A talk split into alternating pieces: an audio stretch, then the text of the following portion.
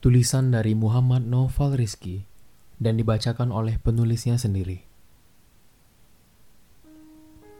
Hari jadi.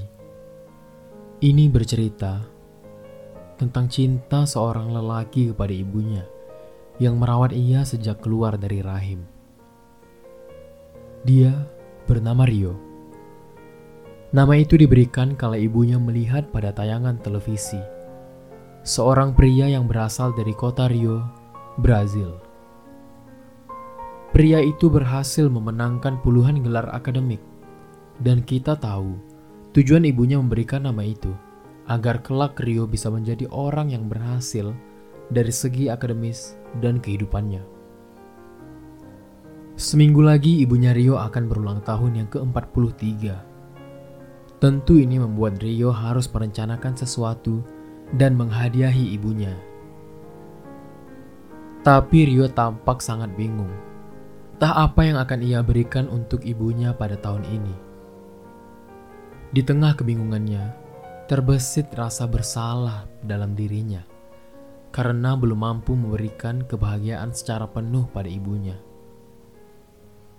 Rio menatap ruang kantornya dan terpajang sebuah figura di atas meja. Terlihat foto ia sedang memeluk ibunya dengan mesra dan erat. Kala itu bahagia memang menggeluti kehidupan mereka. Tapi bahagia itu hadir dari ibunya, bukan dari Rio yang masih bekerja keras hingga sekarang.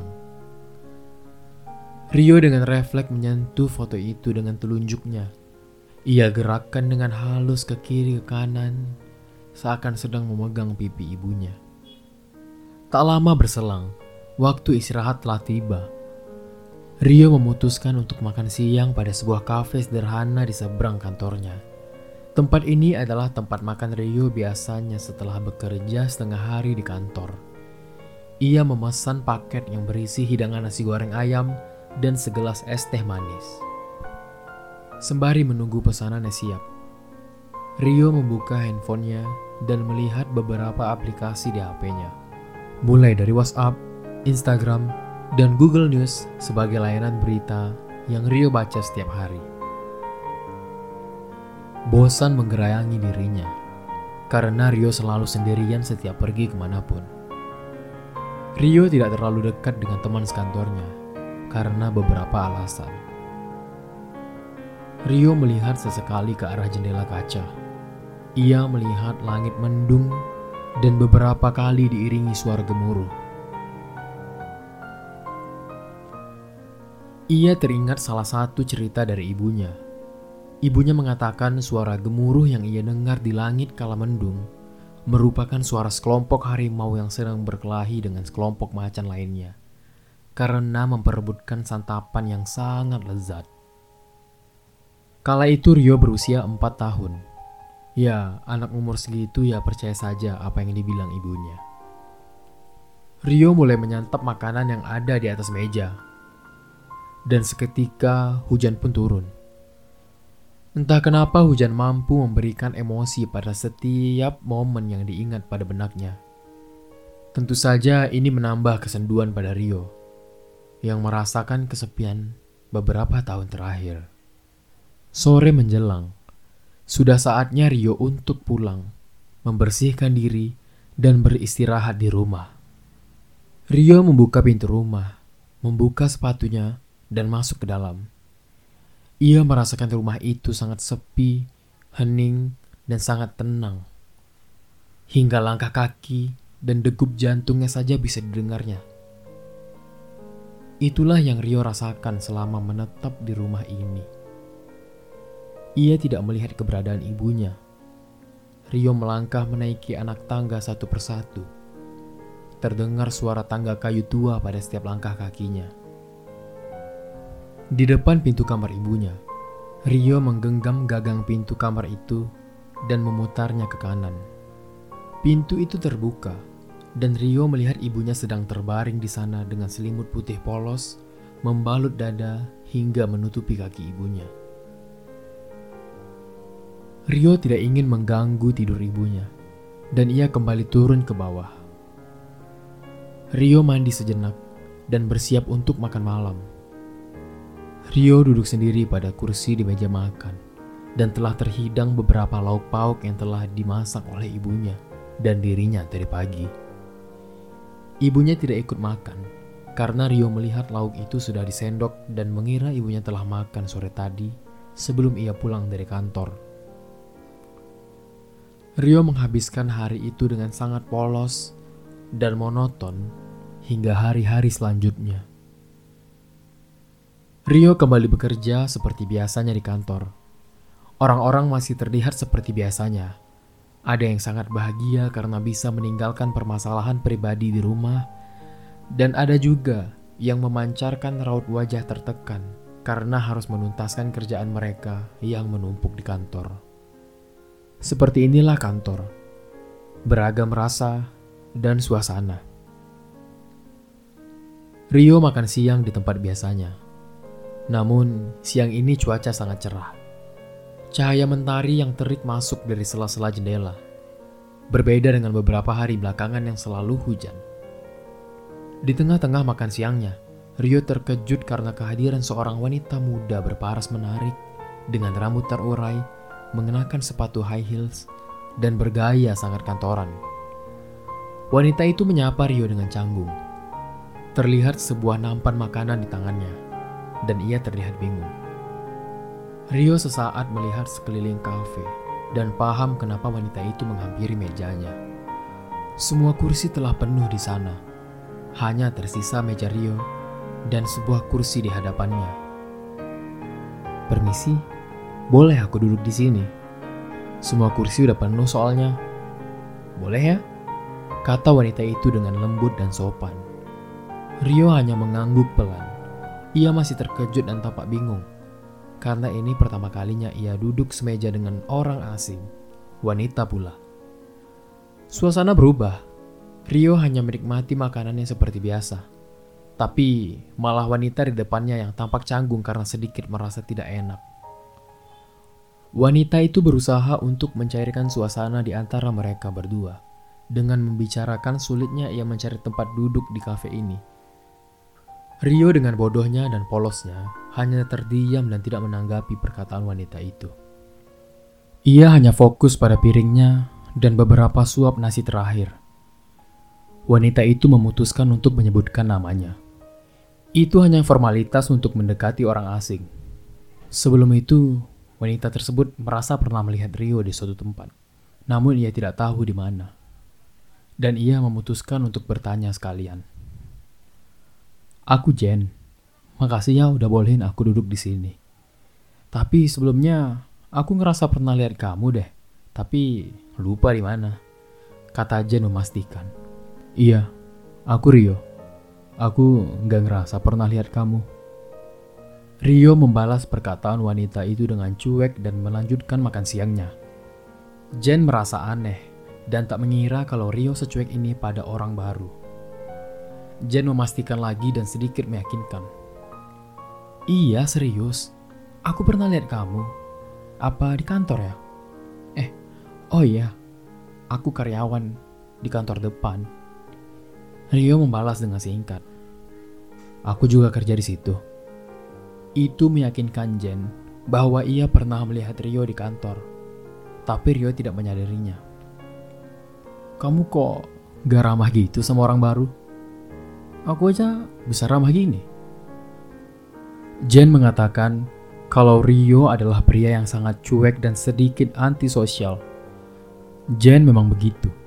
Ia memang terbuka atas apa yang ia rasakan. Namun, Jen tetap berusaha untuk ramah. Ia melihat Rio menyantap makanannya sambil kebingungan. Dan Jen pun menanyakannya. Kamu mikirin apa? Kok kayak lagi bingung gitu? Tanya Jen penasaran. Enggak, aku memang gini kalau lagi makan. Rio berusaha menyembunyikan sesuatu. Alah, cerita aja kalau butuh diceritain mah. Jen berkata dengan nada memaksa. Rio mulai membuka suara untuk mengartikan wajah bingungnya. Enggak, aku cuma mikir hadiah untuk ulang tahun ibu. Lusa dia ulang tahun, yang ke-43. Jelas Rio. Jen berusaha untuk memberikan saran dan bersemangat untuk membantu Rio. Aku tahu itu. Mudah. Ibu-ibu mah biasanya suka banget kalau diberi kalung atau perhiasan gitu. Wajah Rio tetap tidak berubah. Tahun lalu aku sudah kasih ibu gelang. Bahkan aku kasih ibu cincin. Tapi ibu lepas. Gak dipakai tuh sekarang. Malah diletakin aja tuh di meja kamar. Hadiah tahun lalu begitu bermakna bagi Rio. Hingga ia sangat kebingungan untuk hadiah tahun ini. Jen kembali berpikir saran apa selanjutnya. Dan Jen berkata lagi, Oh, udah dikasih ya sebelumnya. Oh iya satu lagi nih, aku punya ide. Gimana kalau kamu kasih ibu kamu hmm, 43 tangkai mawar? Pasti dia suka tuh. Semua perempuan mah suka. Semua suka bunga, aku juga. Tambah Jen dengan sedikit tertawa. Rio tampak mengiyakan perkataan Jen. Boleh juga. Tapi di mana ya beli bunga yang bagus? Aku harus kasih yang terbaik nih untuk ibu. Semangat Rio kembali lagi. Itu mah gampang. Aku tahu tempatnya. Lusa siang aku temanin deh. Kan kebetulan hari Minggu ya. Kita libur tuh. Jen terlihat sangat tulus membantu Rio. Dan tentu saja Rio menyetujuinya. Ini hari Minggu. Bertepatan hari ulang tahun Ibu Rio. Rio sengaja tidak menyapa atau mengucapkan ulang tahun pada ibunya karena ia akan membuat surprise sore nanti yang telah ia rencanakan bersama Jen. Siang berselang, Rio dan Jen membuat janji di depan kafe di seberang kantor. Karena kata Jen, toko bunganya tidak jauh dari kantor. Sesampainya di sana, Rio pun belum melihat Jen dan ia memutuskan untuk menunggu sebentar di sana. Tak lama, Jen pun datang. Jen terlihat sangat cantik siang ini. Rio tertegun. Berbeda dengan setelan kantor biasanya. Jen menggunakan sepatu sport putih, celana panjang jeans ketat, dan atasan longgar berwarna putih. Kali ini Jen mengunci rambutnya dan memperlihatkan leher jenjangnya. Rio dan Jen mulai melangkah menuju toko bunga. Terlihat wajah bahagia dari Rio. Ini adalah hari yang istimewa ini hari ulang tahun ibunya dan tentu saja karena ia ditemani wanita cantik beberapa jam ke depan. Mereka mulai memilih bunga yang mereka cari. Jen menuntun Rio memilih bunga terbaik untuk ibunya. Atas kebaikan Jen, tentu saja Rio ingin mengenalkan Jen pada ibunya dan bentuk terima kasih Rio pada Jen. Jen, hmm, kamu ikut ya, kasih bunga ini ke ibuku. Dia pasti sangat senang kehadiranmu di sana. Jen sama sekali tidak keberatan menerima tawaran dari Rio. Langit biru mulai berganti dengan teduhnya senja. Warna merah bercampur oranye menyelimuti langit. Rio dan Jen melangkah dari halte bus menuju rumah Rio. Angin sore menabrak pipi mereka dan memberikan kesejukan di ujung siang yang panas. Rio tampak bersemangat saat melangkah berdampingan dengan Jen dan memeluk 43 tangkai mawar di depan perutnya. Sesampainya di halaman rumah, Jen merasa rumah Rio dan ibunya ini sangat sunyi dan kurang rapi. Mungkin karena Rio sedang sibuk bekerja dan ibunya pun sibuk pula mengurusi masak atau kebutuhan Rio. Itulah yang terlintas pada benak Jen. Rumah kamu sepi ya? Kamu cuma berdua sama ibu? Jen mulai menanyakan mengenai ibu Rio. Iya, aku berdua sama ibu sejak lahir. Jen tak ingin menanyakan keberadaan ayah atau keluarga Rio yang lain. Karena terlalu cepat baginya untuk mengetahui segala hal dari Rio. Rio tidak bisa meraih gagang pintu karena tangannya penuh dengan bunga untuk ibunya. Spontan, Jane membantu Rio membukakan pintu. Terdengar suara kernitan pada pintu kayu yang catnya mulai mengelupas karena tergerus panas.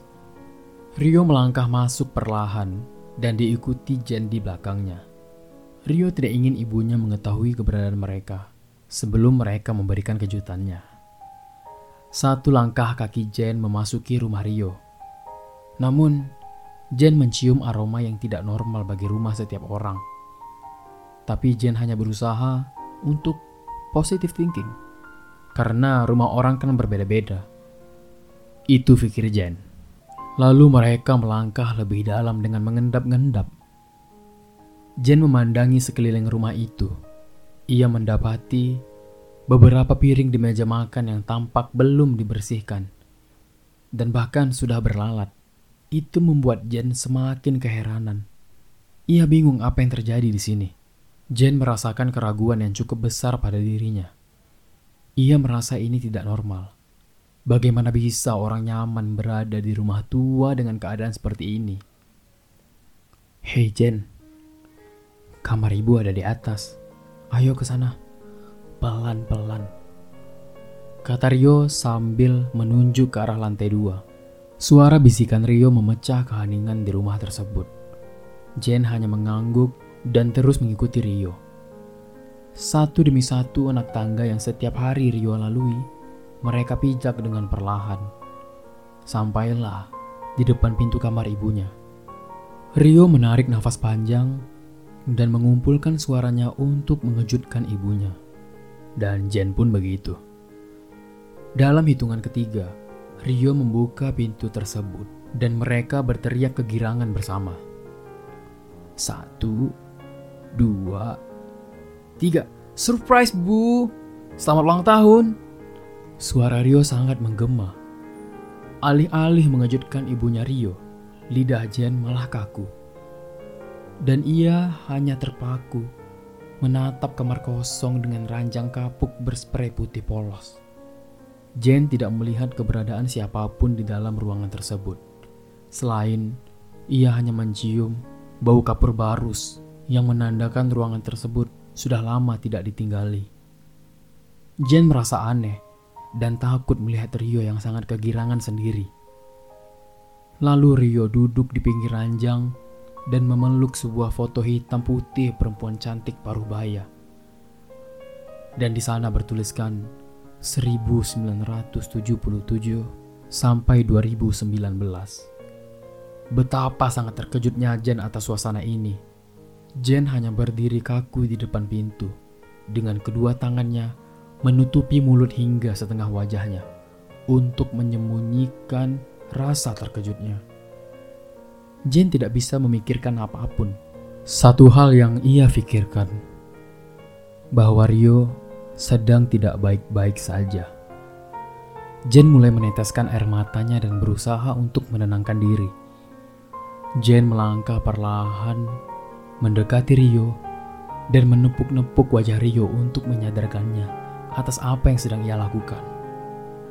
Tangis Jane pecah di dalam sana ia tidak tahu harus apa dan masih bingung telah terjebak pada keadaan ini. Perlahan Jen menyadari bahwa yang Rio lihat tidak akan pernah bisa dikenali olehnya. Dan kasih sayang seorang ibu tidak akan pernah terbalaskan sampai kapan pun, hingga ibu sudah tidak ada sekalipun.